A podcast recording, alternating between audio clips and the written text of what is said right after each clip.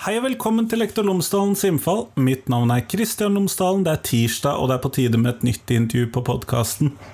I dag så snakker jeg med Tone Hellesund. Hun er professor i historie, eller kulturvitenskap faktisk, ved Universitetet i Bergen. Vi snakker sammen om parforholdet gjennom historien, og ekteskapet.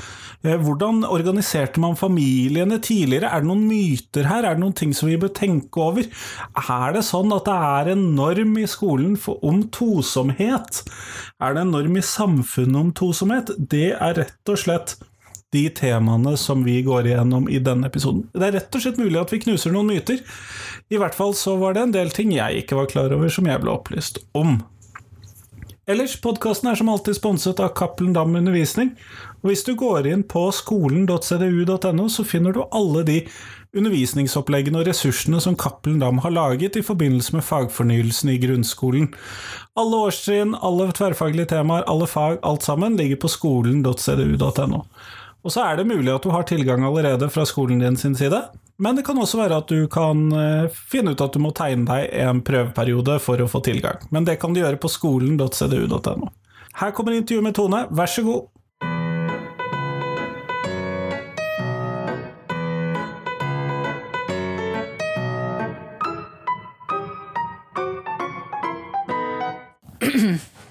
Tone Hellesund, tusen takk for at du har tatt deg tid til meg i dag.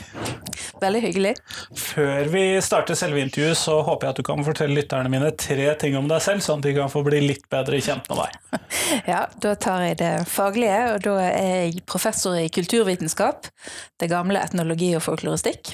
Én ting. Og så er jeg veldig interessert i alt som har med kjærlighet, sex, seksualitet, intimitet, relasjoner å gjøre, og særlig når vi også kobler det opp mot historiske perspektiver.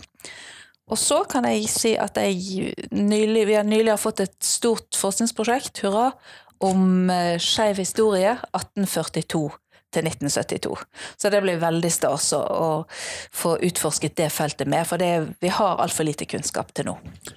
Og det vet jeg at du har helt rett i, for det har jo tidligere vært et tema på podkasten. Men det vi skal snakke om i dag, det er jo rett og slett dette med parforhold og familiekonstellasjoner. fordi at i de ulike fagene i skolen så er det ofte en sånn eh, at man skal innom hvordan dette har forandret seg over tidene.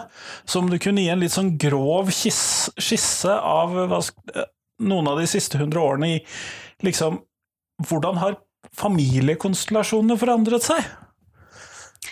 Ja, De har jo potensielt forandret seg ganske mye. Eh, og så kommer det litt an på hvilke sosialt lag vi snakker om. Sant? Altså, her er det potensielt store forskjeller mellom ulike grupper og samfunn osv.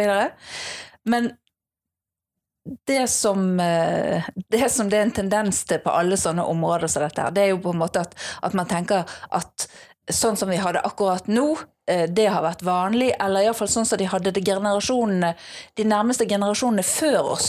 Det på en måte er det historisk korrekte, eller det normale, eller det liksom naturlige. Det. Det naturlige og riktige. Ja. Sånn at for meg som er født på slutten av 1960-tallet, så har på en måte 1950-tallet og 1950-tallets eh, livsform, det har på en måte blitt framstått som det naturlige og det normale og det riktige. Sant? Så når man tenker sånn sånn Hvordan var det før i tiden på dette med ekteskap og kjærlighet og sånn? Og Da er det ofte 1950-tallet, altså disse første etterkrigsårene, som blir trukket fram, og folk tenker på det. Men de årene var veldig veldig spesielle på den måten at aldri før har så stor andel av befolkningen giftet seg, og de giftet seg enormt tidlig og de blir værende gift. Sant? Så disse uh, Så 50-tallet er ikke litt spesielt i denne sammenhengen? Det er veldig spesielt, fordi at det var nesten ingen som ikke gifter seg, og folk gifter seg også tidligere enn noen gang før. Så mens rundt 30 var en vanlig giftermålsalder uh, rundt år 1900 f.eks., så gikk giftermålsalderen ned mot nesten 20 i, etterkrigsårene. Så mine foreldre for eksempel, de giftet seg når de var 23 og 25 og sånn. Og, og 21, 22, 23 var en vanlig giftermålsalder da, men det er veldig spesielt historisk.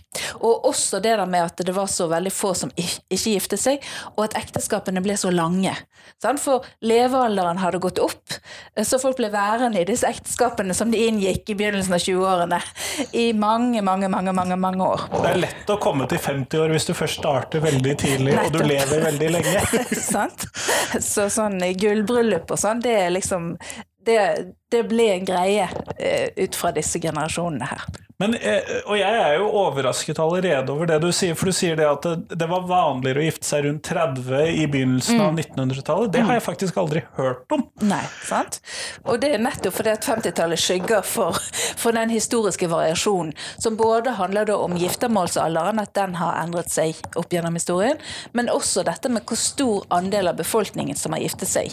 Eh, sånn at rundt år 1900 så var det jo en mye større andel av befolkningen som ikke giftet seg uh, enn på 1950-tallet. Og også dette her at folk var uh, i tjeneste. Sant? De var tjenestefolk rundt omkring på gårder og i Og da kunne du ikke gifte seg? Nei, da kunne ikke du gifte deg. De fleste, de fleste uh, sluttet, sluttet, da i tjeneste hvis de giftet seg. Sant? Sånn at, at 20-årene ble i stor grad tilbrakt i tjeneste for store grupper av befolkningen. Ja, men Og da er vi på arbeiderklassedelen av befolkningen, eller er det rett og slett veldig stor, at den utgjør en veldig stor andel av befolkningen? Den utgjør en stor andel. Sant? Sånn at det er jo også noe med at middelklassen og middelklassens idealer og middelklassens rammer for familieliv, og hva som er det gode liv og det gode familieliv, det får stadig mer eh, utbredelse gjennom 1900-tallet. Så på liksom denne middelklassen begynner å feste grepet på en måte om verdensbildet på slutten av 1800-tallet. Og framover da eh, på 1900-tallet så blir på en måte eh, de idealene om mor, far, barn eh, bak dette her i USA, picket fence, sant? altså denne type kjernefamilieliv som blir på en måte romantisert i ja, litteratur og filmer og, og sanger osv. Sånn, den får mer og mer fotfeste. At det blir liksom fokus på dette paret og deres barn, og at det er det liksom alt kretser om. Eh, og det handler jo også altså Det handler både om at idealene får større utbredelse, men det handler jo også om at middelklassen vokser. Sant? Flere og flere får råd til den type liv, med de materielle omgivelsene som, som idealet tilsier, på en måte. Sant? At man gjerne da skal ha eh, aller helst et eget hus. sant? Ja, ja, men uh, her hører jeg jo det at det, er en del ting jeg har gått glipp av. Fordi at uh, sånn som jeg da forstår, har liksom alltid forstått denne delen av historien, altså hvordan familiene ser ut, så går vi fra liksom storfamilien på gårdene med her bor syv generasjoner hvis de lever så lenge, og så eh, lever man der alle sammen, og så går man nesten rett over til den der urbane mor, far og barn-familien. Nesten umerkelig, eventuelt ganske brått. Det er sånn som jeg har forstått det fram til jeg nå hører deg fortelle om en ganske annen virkelighet. da. Mm. Ja, altså det har vært stor variasjon, som, som, delvis er klassebetinget, hvordan man har kunnet leve. Også, og, og, når man har økonomi til å gifte seg, som også var en, en stor sak, selvfølgelig. Sånn at i det hele tatt det å huske på at her fins det variasjon hele veien. Sant? Aller minst variasjon fins det på 1950-tallet. Altså det er det på en måte mest homogene, den mest homogene tiåret. Altså flest der flest lever på, på samme måte. Mens tidligere og etterpå så ser vi da en større variasjon i måten folk lever på.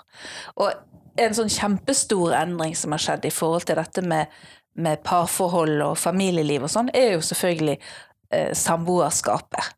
Og Sant? Jeg nevnte at jeg var opptatt av, av skeiv historie, sant? og dermed 1972, der, der kriminaliseringen av homofili ble opphevet. Men det som også ble opphevet i 1972, og som er like interessant, det er jo at konkubinatsparagrafen ble opphevet. Altså loven som sa at det var forbudt å leve i heterofilt samliv. Fram til 1972 så var det altså forbudt å leve i samboerskap. Uh, og så vet vi hva som har skjedd uh, med det etterpå. sant? Der har det skjedd ganske mye.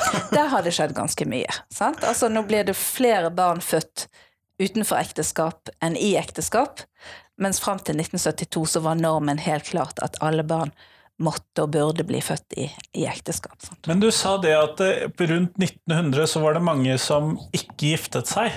Hva Betyr det bare at de giftet seg senere, eller hva gjorde disse øh, menneskene som da ikke giftet seg rundt 1900?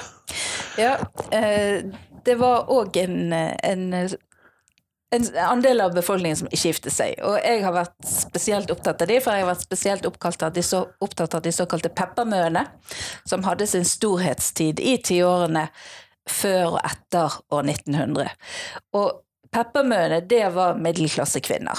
Eh, delvis overklassekvinner, men først og fremst middelklassekvinner. De hadde råd til å ikke gifte seg? Ja, sant? for det åpnet seg opp muligheter. Samfunnet forandret seg, strukturen forandret seg behovene endret seg, sånn at man fikk behov for mange flere lærere, og der kom lærerinnene inn. Billig og bra og solid og trofast arbeidskraft. Sant? Så de kom inn i skolen. Uh, sykepleierskene kom inn som en viktig ny uh, yrkesgruppe. Uh, kontordamene.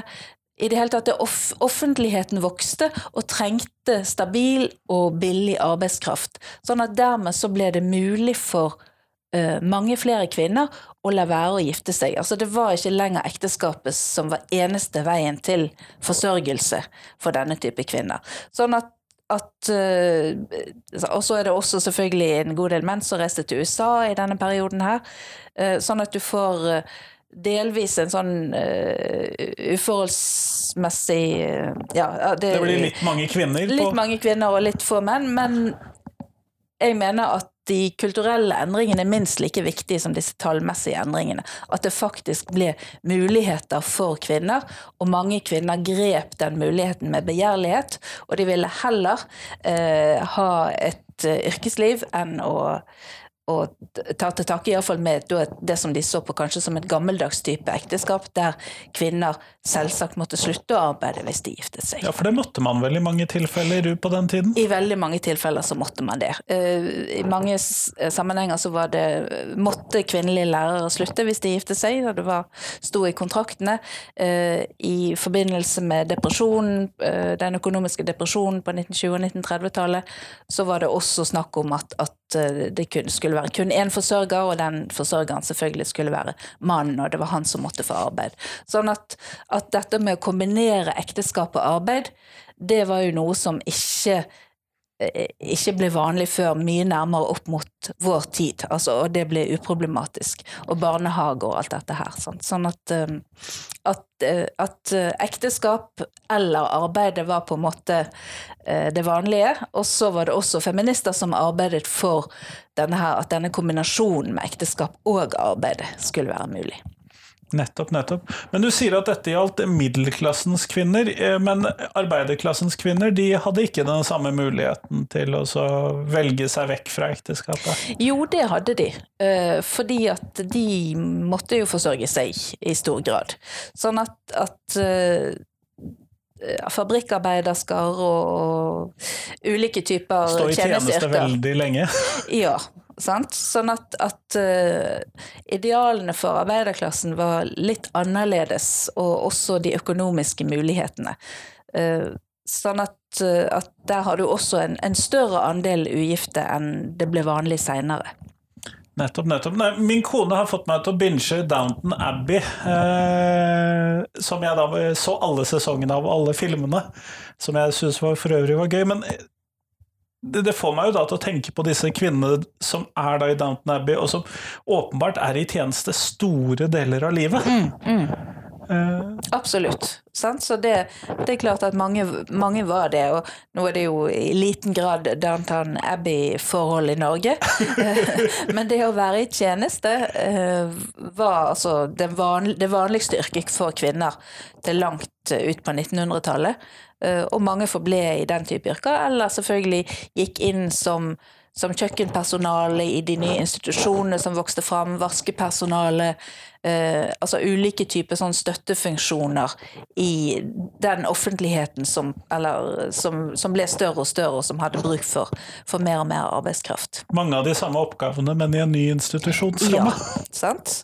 Og i forbindelse med at jeg skrev doktoravhandlingen min om om peppermøer, så intervjuet jeg også gamle damer som den gangen var i 80-90-årene. Og der var det flere som, som snakket om det. Sant? At de kom fra en gård, kom fra en liten gård der det var arbeid, arbeid, arbeid, slit, slit, slit.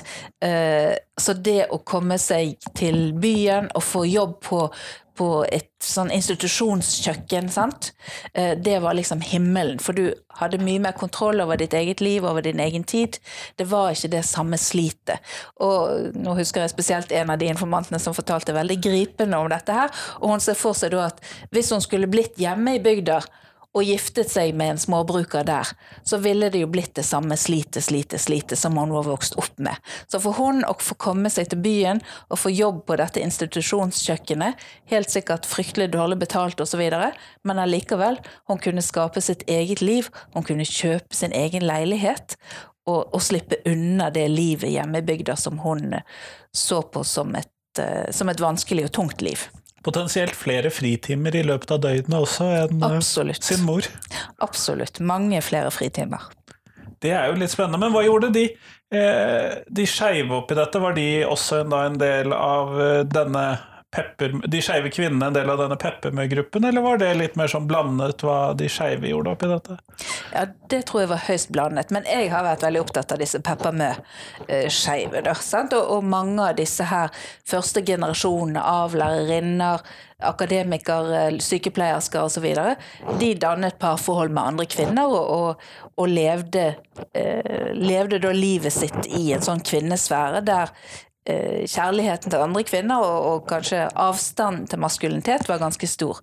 Eh, de ville, veldig mange av disse tenkte ikke på seg sjøl som homoseksuelle eller de, Den type identiteter var på en måte ikke kommet til denne, type, denne gruppen ennå. Sånn at de kunne leve med respekt for omgivelsene og, og sånn i, langt utover på 1900-tallet. Og det handlet jo også om at kvinners seksualitet ikke ble sett på som, som på en måte riktig, ekte seksualitet. Sant? At det var på en måte menn, Hva menn gjorde man var mest bekymret for. Hva kvinner gjorde var ikke så, så farlig. Og homoseksualiteten var på en måte forbundet med sånne eh, perverse, spesielle folk i storbyene. Sånn at respektable peppermøer slapp på en måte unna den mistanken. Så det er én gruppe, eh, sant, skeive, eh, som kunne på en måte leve innenfor respektabiliteten ganske lenge. Eh, men så har du selvfølgelig skeive i alle grupper i samfunnet. Både arbeiderklasse og overklasse og menn og kvinner osv. Så videre. sånn at her er det en stor variasjon i hvordan folk levde, og også stor variasjon i hvordan folk så seg sjøl. Og i hvordan samfunnet så på dem.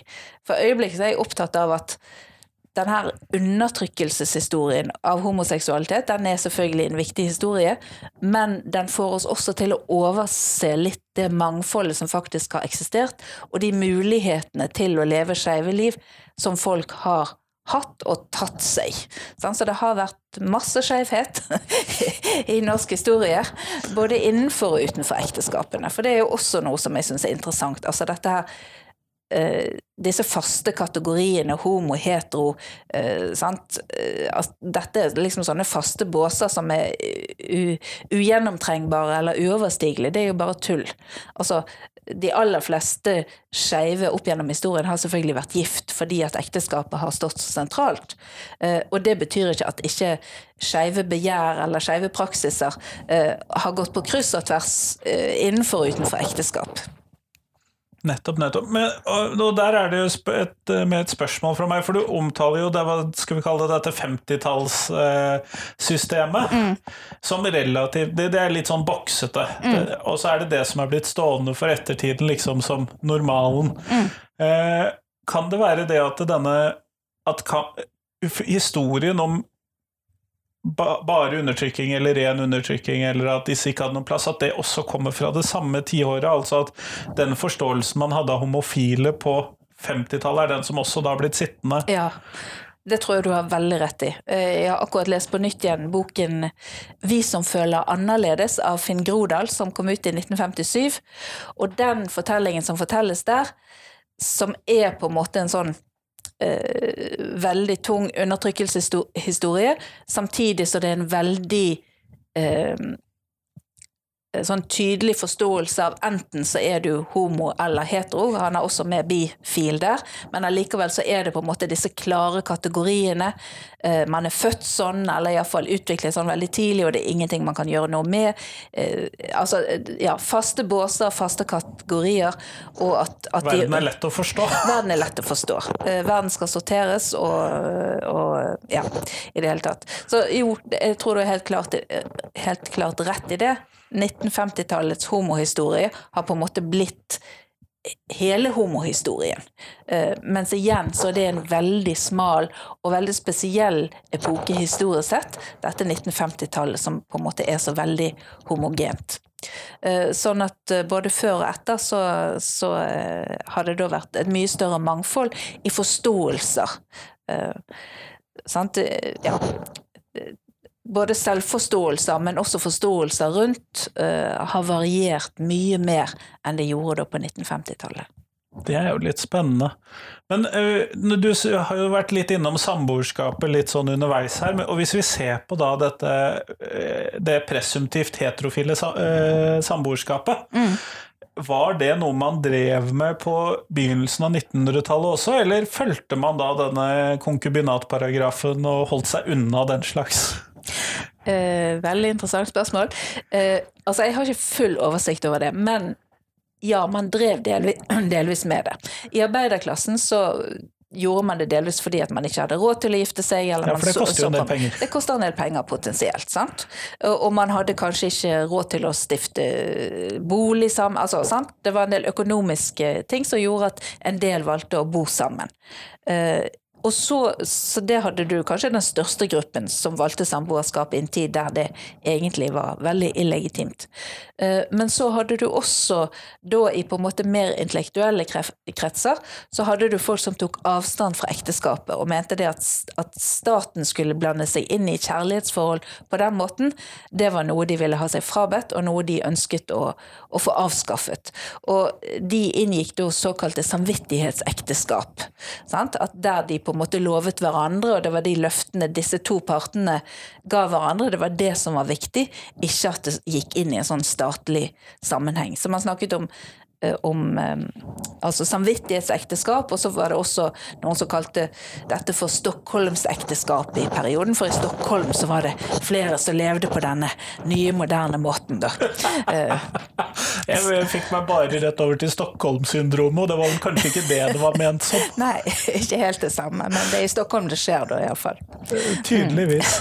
Men, og det, så vidt jeg har forstått, så er det jo da du har jo snakket en del, eller skrevet en del om parnormen. Hva er det for noe? Ja, parnormen eh, tenker vi at er denne normen om at man skal være to. Man må være to. Som en voksen, ansvarlig, respektabel samfunnsborger så bør man inngå i et langvarig parforhold. Eh, og dette parforholdet det bør inneholde bestemte ting. så bør, Det bør være basert på romantisk kjærlighet, f.eks. Det bør inneholde sex. Eh, det bør gjerne få barn. Uh, ja, det må være mellom to parter, ikke flere. Uh, uh, Så man ja. mangler noe hvis man bare er én, og det er noe gærent hvis man er mer enn to? Absolutt. Sant? Så denne her tosomhetsnormen Og nå har jeg sammen med noen kollegaer nettopp gitt ut en bok om dette, her, The Tenacity of the Couple Norm, om hvordan den her normen er så sterk Vi argumenterer for at den er så sterk i Europa i dag, til tross folk. folk lever jo veldig mangfoldig. Sant? Det er veldig mange av oss som lever utenfor parforhold store deler av voksenlivet. Det er folk som lever i kollektive boformer, det er folk som har flere enn én partner. Eh, det er definitivt mange som skiller seg, eller som lever single, eller sånne ting. Seriemonogami er vel et lite brudd på parnormen i seg selv? Ja, kanskje, men samtidig så, så, reproduserer jo den også på en måte parnormen. At det er så viktig å komme seg tilbake igjen i parforholdet. Da. Hvis det blir slutt med den ene partneren, så må man for all del forte seg å finne en ny. Fordi at, at liksom drømmen om det gode liv er så veldig sterkt knyttet til denne parnormen. At det er vanskelig å se for seg at man kan leve et godt og respektabelt øh, og sunt på en måte liv hvis man ikke på en måte strever streber etter denne parnormen. Nettopp, nettopp. Har, vi, har, dere gjort noen tanker om hvorfor den er så sterk nå? Eller fremdeles, eller på tross av, eller ja. Nei, altså for det er jo et veldig stort paradoks på mange måter. Og, og, så kan vi selvfølgelig peke på sånne føringer fra eh, stat og altså, myndigheter sant, som legger en del føringer i forhold til parforholdet. Eh, som testament, testamenter og arvelover og ekteskapslover? Ja, familiepolitikken. Sant? Nå har vi sett på fire forskjellige land. Vi har sett på Norge, men vi har også sett på England. Portugal og Bulgaria. Og det er klart at politikken i disse landene er litt ulik. Og i Norge, Norge er nok kanskje det landet de vi har sett på som er mest øh, åpen i forhold til at folk lever faktisk ulike liv og har minst mulig press mot spesifikt ekteskapet, f.eks. Men samtidig så legger jo veldig mye av familiepolitikken handler jo nettopp om å, å styrke dette parforholdet med kjernefamilien og, og bar, barneomsorgen. Sant? Og da tenker man at det er dette paret som står i fokus for, for dette familieprosjektet, som også er veldig viktig for staten. Sant? Trygge, stabile oppvekstvilkår for barn tenker man også da knyttet til parforholdet f.eks. Familien som grunnleggende enheten i samfunnet osv.? Nettopp. Sant? Den gode, gamle grunnleggende enheten i parforholdet. Så en del føringer fra myndigheter. Eh, selvfølgelig masse kulturelle føringer gjennom film og litteratur og eh, ja, romantikk. Mange føringer fra markedet. Sant? Du har et datingmarked. Eh, du har mange ulike kommersielle aktører som ønsker at vi skal, skal feire Valentine's Day og, og bruke, bruke, masse tid på datingapper og, og, og sånne ting. Sånn at du har veldig mange ulike krefter som som er med på å reprodusere denne lengselen etter dette tosomme parforholdet. Tosomme og langvarige, gjerne livslange da, parforholdet. Selv om det da er et flertall i befolkningen som faktisk ikke lever på den måten, så framstår det likevel som normen med stor N. Nettopp, nettopp. Men dette romantiske ekteskapet, for du sa jo det at uh, denne normen inneholder bl.a. at det skal være et romantisk ekteskap eller med mm. følelser og forelskelser og sånn. Hvor gammel er den delen av ekteskapet? Er den uh, noe som alltid har vært der, eller hvordan er det? Nei, det er han virkelig ikke. Og jeg holder nå på å se på Eilert Sundt, den store folkelivsforskeren i Norge, som reiste rundt på bygdene på 1840- og 1850-tallet. Og en av de tingene jeg ser på der, er nettopp dette med den romantiske kjærligheten, som kommer på en måte i denne eh, perioden som en ny norm. Sant? Og vi kan tenke også Camilla Collett, sant, som skrev om amtmannens døtre. og tvangsekteskap eller arrangerte ekteskap, og som liksom eh, skriver fram en ny norm, da, der det er den romantiske kjærligheten som skal stå i fokus eh, istedenfor praktiske hensyn. Mens Eilert Sundt, som da går rundt blant bønder og alminnelige folk og arbeiderklasse i Norge, han er opplever jeg som litt sånn ambivalent i forhold til dette. her. Ja, han, han, vet at nå er det romantisk kjærlighet som gjelder, og kristendommen blir på en måte også trukket inn som et sånt argument for romantisk kjærlighet. Samtidig som Eilert Sundt er også pragmatisk og ser at dette med praktiske ekteskap, som har vært det vanlige blant bøndene Bevare storgården osv.? Ja, eller bare skaffe seg et noenlunde fornuftig utkomme. Eh, sånn at det er mange praktiske ting for bøndene som gjør at kanskje romantisk kjærlighet ikke står først på agendaen når det er snakk om å finne seg en, en ektefelle. Uh, mens Eilert Sundt han blir på en måte en misjonær for den romantiske kjærligheten. Da, at nå bør også bøndene begynne å tenke på romantikk heller enn økonomi. Det er jo litt spesielt at det er noe man ser komme i løpet av 1800-tallet, når det oppfattes som en så selvfølgelig del av dagens parbilde. Mm, absolutt. Og dette med den romantiske kjærligheten blir jo et sånn kjernepunkt i denne her nye middelklassens forestillinger om familieliv og kjærlighet. Sant? At det er på en måte eh, romantikken som står Eller romantikk, men for den romantiske kjærligheten, da, der, der, mann og kvinne skal møtes som, som to ulike, uh, ulike, poler, på en måte, og sammen skal de da gå opp i en høyere enhet gjennom den romantiske kjærligheten, og så skape familieliv, eh, familieliv på det grunnlag. Det er jo litt spesielt, da, for det, er jo liksom det man hører at nei, det har liksom alltid vært der, eller det Sånn var det bare, eller ja. Mm. Og da kan man liksom se hvordan det, det blir innført og, og, utbredt til stadig nye grupper i samfunnet. Samtidig så, igjen så tenker jeg jo det er viktig å huske på at selv om normene fra ledende institusjoner som Kirken eller loven eller sånne ting har sagt sånn og sånn, så har jo igjen folk funnet veldig mange ulike måter å leve på.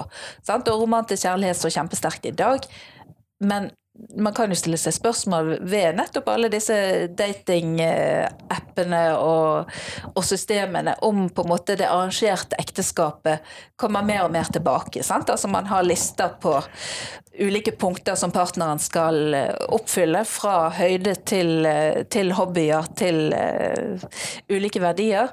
Uh, og vi har ulike grupperinger i Norge der arrangerte ekteskap er mer vanlig. Sant? Sånn at dette her er, har jo gått Folk har levd på ulike ulike måter opp gjennom historien. Alle ekteskap siden 1850 har ikke vært basert på romantisk kjærlighet. Eh, også i dag vil jeg tro at noen vil ha litt problemer med å, å, si at sitt eget ekteskap er basert på romantisk kjærlighet. Og samme selvfølgelig med sex. Sant? Sex har på en måte eh, vært en sånn definerende faktor for samliv, og det blir forventet at man har sex, men på 1880-tallet så var det kanskje forventet at respektable borgere hadde minst mulig sex. Sant? Altså, ja, de skulle få barn, men så skulle man prøve å begrense seg. Helst ikke noe mer enn det. I dag er det absolutt forventet at vi skal ha mye og hot sex hele tiden. Eh, jeg har en sterk mistanke om at eh, det er mange ekteskap og parforhold i Norge som ikke lever opp til den normen. Sånn, så vi klarer på en måte å leve livene våre i dialog med disse normene, men også å, å skape oss egne rom for, eh, for, å leve praktiske liv. Da. Men når vi da som skole skal undervise om familieforhold og endringer i familieforhold og seksualitet og i det hele tatt, hva tenker du er viktig at vi kommer innom eller får med oss da når vi skal ta dette med ut til elevene? Altså, jeg tenker jo at dette med tydeliggjøring av mangfold tenker jeg er, faktisk er kjempeviktig. For det er et eller annet med at det som har vært statistisk vanligst, det er på en måte det man har fokusert Altså det, det vi fokuserer på overalt. I skolen, på museene, i kulturminneformidlingen, så fokuserer man på en måte at det som var statistisk vanligst.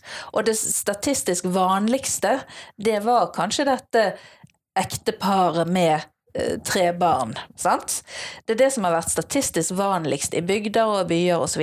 Men det betyr jo ikke at det ikke også var rom for enormt masse annet forskjellig. Uh, ja, og jeg er litt sånn museumsinteressert, så derfor så tenker jeg liksom på det at når man skal formidle historien, så viser det at nei, her i bygda vår så var det også folk som levde på den måten. Det var også gamle peppermøer, det var også uh, gammelkarer, det var søskenfamilier. sant? Altså helt fram til min tid så var det jo veldig veldig mange søsken som levde sammen på bygdene og drev gården etter foreldrene. Der voksne søsken levde sammen, ugifte søsken levde sammen hele livet, f.eks. Det er en familieform som nå er nesten helt forsvunnet. Men opp gjennom historien så har det altså vært et enormt mangfold, og det statistisk vanlige er bare én variasjon av veldig mange variasjoner. Så det å liksom trene unger eh, på uh, at mangfold alltid har vært en del av samfunnet. Eh, Det er ikke noe nytt at det er mangfold i dag, men det har alltid vært en del av samfunnet. tenker jeg er veldig viktig. Og selvfølgelig i forhold til familieformer. Og åpne opp for at man kan ha ulike preferanser, uh, ulike ønsker, ulike egenskaper som kan få, få plass i et sånt mangfold av livsformer og samlivsformer og kjærlighetspraksiser. Kjempeflott, Tone. Du, Vi går mot slutten av podkastintervjuet, og da skal jeg stille deg det samme spørsmålet som jeg stiller alle de jeg intervjuer. Og Hva tenker du er de viktigste tre tingene som skolen lærer elevene? Mangfoldshåndtering. Ja. altså klare å håndtere mangfold på konstruktive måter, og klare å være åpen for mangfold, det er noe av det viktigste for meg. Og så selvfølgelig uh, syns jeg jo det er viktig at elevene lærer kritisk tenkning. Eh, og at de får, på, får gjennom disse eh, får på plass eh, en forståelse av hvordan samfunnet fungerer, og, at, og det tredje kanskje da dette her med at det å være en del av en større helhet, og at man også må klare å se andre enn seg sjøl. Kjempeflott. Tusen takk for at du tok deg tid til meg i dag. Tusen takk sjøl.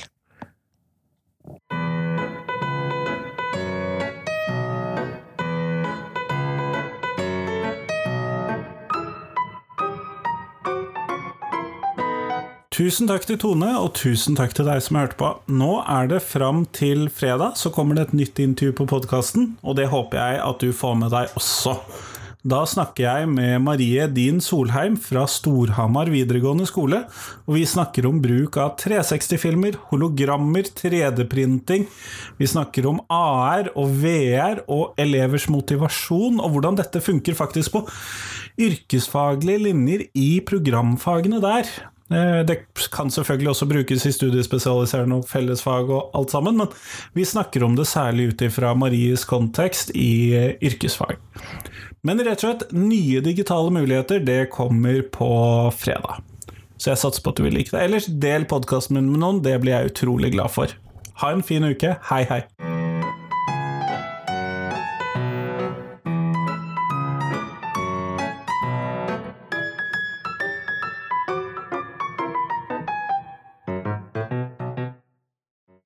Husk det at du kan gå inn på iTunes, podkaster andre steder, og så rate podkasten. Det blir jeg kjempeglad for. Gjerne full pott, selvfølgelig. Men vi høres!